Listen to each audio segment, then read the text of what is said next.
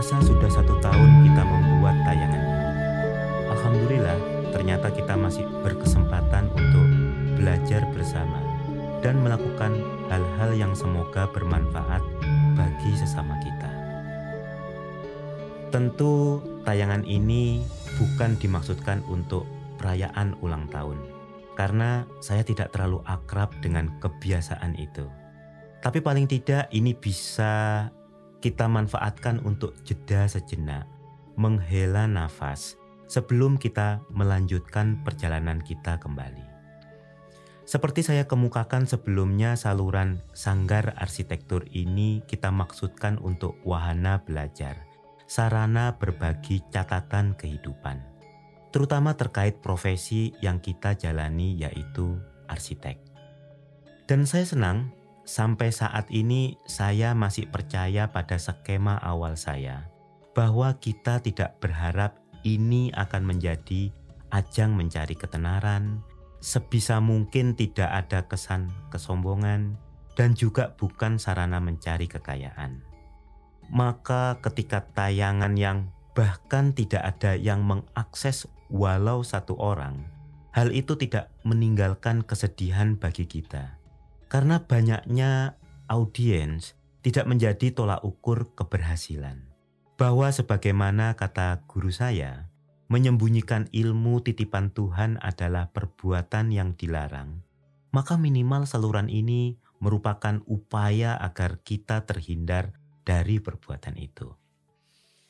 Tapi ya betul, di samping dapat menjadi ajang membagikan pengetahuan, pengalaman, dan pemahaman kepada sesama terutama adik-adik dan junior saya, tetap ada peluang saya terpeleset. Menjadikan saluran ini menjadi ajang saya pamer ilmu, ingin dipuji orang, atau efek-efek samping semacamnya. Dan hal seperti itu lumrah saja. Selalu ada dua semacam pisau bermata dua dalam banyak hal di kehidupan kita termasuk membuat saluran YouTube seperti ini. Uh, saya sudah berusaha meminimalisir dampak bawaan yang saya maksud di atas dengan cara misalnya tidak mengabarkan tayangan ini kepada siapa pun, relasi, teman, atau bahkan keluarga. Dengan demikian berharap dapat melawan hasrat nafsu manusiawi kita untuk dikenal, terkenal, atau bahkan dipuji orang. Karena itu, saya juga tidak pernah menganjurkan pemirsa untuk like tayangan di saluran ini, atau juga tidak pernah saya minta ini di subscribe. Ya, karena banyaknya pengakses bukan ukuran keberhasilan, melimpahnya subscriber bukan tolak ukur kesuksesan dalam konteks ini. Malah saya tidak menyarankan Anda subscribe channel ini karena saya juga tidak menjanjikan akan terus ada tayangan baru yang saya buat secara rutin. Jadi tidak banyak gunanya untuk subscribe. Saya tulis dan ikat pengalaman ini pada pohon yang ada di pinggir jalan, kemudian saya lanjutkan perjalanan untuk barangkali ada pejalan lain di belakang saya yang melihat dan mengambil pelajaran tertentu daripadanya. Atau biar saja tulisan yang saya gantung di pohon itu lapuk lalu jatuh ke tanah, bagi saya sama saja. Karena yang penting bagi saya adalah peristiwa saya mengikatnya tadi, peristiwa saya berbagi tadi, dan bukan setelahnya. Ikhtiar lain yang coba kita lakukan untuk meminimalisir efek negatif tadi adalah dengan tidak mengaktifkan opsi pendapatan dari iklan yang barangkali disematkan YouTube pada tayangan ini. Ini salah satu cara yang bisa kita tempuh untuk mendidik diri, menghindari motivasi ingin mendapatkan manfaat finansial dari jalur ini. Beberapa hal yang kita tempuh itu dengan harapan dapat meminimalisir dampak bawaan seperti yang saya sebutkan di atas. Tentu, saya tidak sedang mengklaim bahwa semua ini atas nama keikhlasan. Tapi paling tidak kita berusaha keras mendekatinya. Jadi, antara upaya menyebarkan ilmu yang dititipkan Tuhan pada kita dan potensi dampak negatif seperti kesombongan, ingin tenar, ingin kaya, perlu kita telaah. Kita timbang-timbang posisi kita ada di mana. Untuk tujuan itu, saya kira baik bila kita mengambil jeda. Jeda ini seperti halnya puasa, seperti yang kita bahas di tayangan sebelumnya. Dengan jeda, kita dapat mengendapkan diri, menata niat kembali, seraya mengkonfirmasi kepada Tuhan apakah ada arahan bagi kita apakah yang kita lakukan masih on track atau sudah sedikit-sedikit melenceng. Kita berharap ada arahan Tuhan dengan puasa yang berupa jeda itu. Apakah memang dimungkinkan kita mendapatkan arahan langsung dari Dia terkait hal-hal yang kita jalani sehari-hari? Ya, kenapa tidak? Kita barangkali memang tidak sesuci para santo atau aulia yang sangat dekat dengan Tuhan, sehingga hubungan dengannya seolah tidak berjarak. Tapi kita kan bisa memaknai apa-apa yang ada di sekitar kita memang seolah pesan darinya. Anggap saja demikian. Karena Tuhan sendiri kan berkata bahwa aku sesuai persangkaan hambaku kita anggap saja Tuhan dekat dan menyapa kita dengan satu dan lain cara.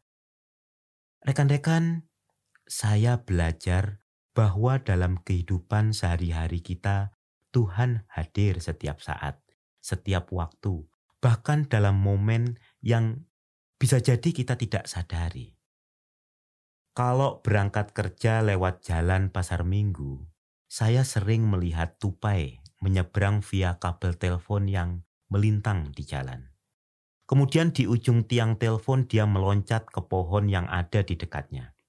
Ini sering kali terjadi setiap pagi saya mulai aktivitas. Dan saya memaknai itu sapaan Tuhan kepada saya. Tidak ada hal lain kecuali hal itu membuat saya tersenyum dan hati menjadi tersiram kegembiraan suatu modal yang berharga untuk berkarya di hari itu. Di saat yang lain ketika nyetir terbaca tulisan di belakang truk, bukan profesi, sekedar hobi. Itu pun saya maknai pesan darinya. Karena pesan seperti itu pas betul saat itu dengan situasi yang saya hadapi. Dan itu memberi inspirasi untuk suatu alternatif solusi. Saya pikir baik juga loh bila rekan-rekan mencobanya. Memaknai segala hal yang ada di depan kita adalah petunjuk darinya. Uh, membuat jeda dan berusaha mendapatkan petunjuk Tuhan dengan satu dan lain cara juga banyak kita jumpai dalam kisah-kisah dari para pendahulu kita. Saya ingat cerita bagaimana seorang Ibnu Arabi ketika selesai menulis magnum opusnya, Al-Futuhat Al-Makiyah. Beliau lemparkan buku itu ke atas atap Ka'bah. Dibiarkan kena angin dan badai, semburan hujan dan sapuan pasir untuk dilihat tahun berikutnya apakah kitab itu masih selamat. Dan ketika didapati buku itu masih utuh, baru sang imam yakin bahwa Tuhan tidak keberatan dengan tulisan beliau. Oke, memang belum pasti bahwa hakikatnya seperti itu. Bahwa Tuhan berkenan atau tidak berkenan berdasarkan suatu peristiwa yang kita tafsiri. Tapi paling tidak ada metode dari sang Imam Ibnu Arabi untuk mengendapkan sisi nafsu manusiawinya dengan menunda penyebaran buku tersebut, dengan menahan diri, dengan membuat jeda. Rekan-rekan, kalau Anda orang yang tumbuh dari dusun seperti saya, pasti pernah mendengar nama kitab Jurumiyah. Ini kitab dasar-dasar bahasa Arab. Ditulis pada abad 13, jadi kalau di sini sekitar zaman Majapahit. Adalah Abu Abdillah Son Haji pengarangnya. Setelah menyelesaikan penulisan buku, beliau agak bimbang apakah buku tersebut akan bermanfaat bagi masyarakat atau hanya mudorot saja. Maka beliau tafakur dan mengkonfirmasi izin penyebaran buku tersebut dengan cara merendamnya buku tersebut di air yang mengalir, mengikatnya, dan membiarkannya selama berhari-hari. Kalau tinta pada buku itu luntur atau bahkan bukunya sendiri hilang terbawa arus, dia ikhlas, berarti Tuhan belum berkenan. Tapi setelah berhari-hari ternyata buku itu masih ada dan tulisannya masih utuh, aliran air tidak melunturkan tinta tulisannya, maka beliau berketetapan hati menyebarkan buku tersebut pada khalayak. Dan beratus-ratus tahun buku tersebut tetap lestari sampai dengan zaman kita hari ini. Oleh karena itu buku tersebut dinamakan Al-Jurumiyah yang artinya air mengalir. Karena ketika beliau merendam sambil berkata, Jurumiyah, Jurumiyah, mengalirlah air, mengalirlah. Jadi beliau pun membuat jeda untuk menentukan langkah berikutnya. Rekan-rekan, saya tentu tidak selevel dengan beliau-beliau yang saya ceritakan di atas. Jauh, sangat jauh, bumi langit lah. Tetapi saya kan juga hamba Tuhan yang sama. Saya juga memiliki kebimbangan-kebimbangan yang sama. Kuatir bahwa yang saya lakukan sebetulnya berdasar motivasi-motivasi tersembunyi dari diri saya. Seolah-olah mulia padahal hanya hasrat terpendam yang dikemas seolah-olah penuh keikhlasan. Tidak mau iklan padahal dalam hati ingin kekayaan. Seolah tidak peduli jumlah pengakses tapi dalam hati ingin sukses. Tentu tetap ada peluang saya semunafik itu.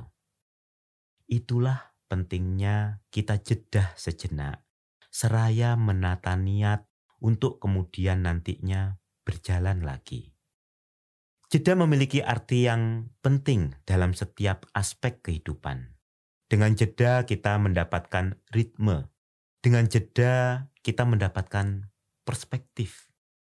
Dengan jeda kita bisa memperoleh makna baru. Bahkan kita bisa sebutkan contoh bahwa jeda mutlak diperlukan. Rekan-rekan bisa membayangkan bila sebuah rentetan huruf tanpa adanya jeda? Coba. Coba baca. Akan membingungkan, sulit dibaca, menjadi tiada arti. Apabila dalam susunan aksara, jeda bisa berarti spasi, bisa berarti koma, bisa berbentuk titik yang dengannya kita bisa menjadi faham, bisa menangkap makna sebuah rentetan aksara. Apabila dalam arsitektur, jeda bisa berarti ritme elemen bangunan, bisa berupa semedinya arsitek mempertajam intuisi, bisa juga berupa upaya untuk memberi rehat pada bumi dari beban bangunan baru. Sebuah jeda diperlukan. Rekan-rekan, jadi sebagaimana perjalanan yang butuh istirahat sejenak, demikian juga pelari yang butuh menghela nafas, demikian juga hidup yang perlu uzlah, demikian juga tayangan kita ini yang perlu jeda. Rekan-rekan sekalian, sebagai penutup, ini saya menemukan puisi lama saya yang kebetulan temanya cocok. Saya tulis ini ketika bersama-sama rekan-rekan satu studio rehat ke Bali. Tahun 2011 kalau tidak salah. Kita menginap di Alila Ubud, di mana saja ini saya tulis sore-sore pas surup, pas gerimis. Sehingga kita meringkuk di villa kita masing-masing waktu itu. Saya bacakan ya. Jeda dan Kelana Senja Senja selalu eksotik. Sehangat ibu seolah memeluk, setragis kekasih yang hendak pergi jauh. Bagai misteri melingkupi segala yang fana, menjelang pudar. Ujung pagar batu Hotel Alila Ubud sepi. Semua bersiap menyambut malam. Bahkan belalang meringkuk diam di bawah kelopak angsana. Senyap, hanya rintik yang coba mendominasi. Aliran sungai Ayung nampak tenang menuju semburat jingga yang kelihatan makin kusam tersaput mega. Sepi. Pohon-pohon di ngare ini bergeming, tinggi tegar Entah sudah berapa puluh tahun mereka setia menemani bumi tempat berpijak. Meliuk-liuk diterpa angin, ke kanan, ke kiri, ke depan, ke belakang, tapi pantang beranjak atau tumbang dalam bertahan. Grimis menambah magisnya senja membasahi merah hitam topi metaforaku. Dinginnya menusuk kulit ces, seolah butir es disuntikkan langsung ke permukaan tulang. Tapi aku meniru pepohonan itu, bergeming.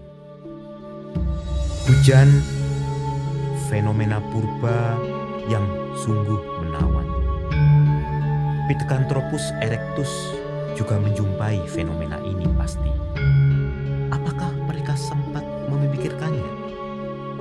Juga para pengelana dari Yunnan, juga Dharma Wangsa, juga Gajah Mada. Di Ponegoro ketika merambah hutan-hutan Jawa, Sudirman ketika mengelana dengan tandunya, Soekarno ketika dalam pembuangannya. Semua disapa oleh hujan, hujan yang sama dengan yang menyapaku di senja ini. Apakah mereka berpikir sama sepertiku? Mereka semua sudah lenyap, mati.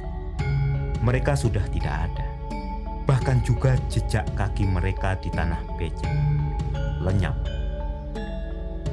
Tapi mereka pernah ada mereka pernah berjalan di muka bumi ini, hanya saja giliran mereka sudah usai. Tunai.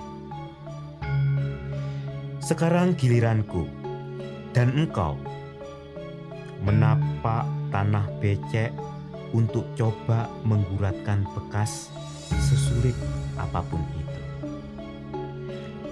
Aku dan engkau telah berjalan jeda sejenak untuk menyapa senja dan hujan untuk kemudian berkelana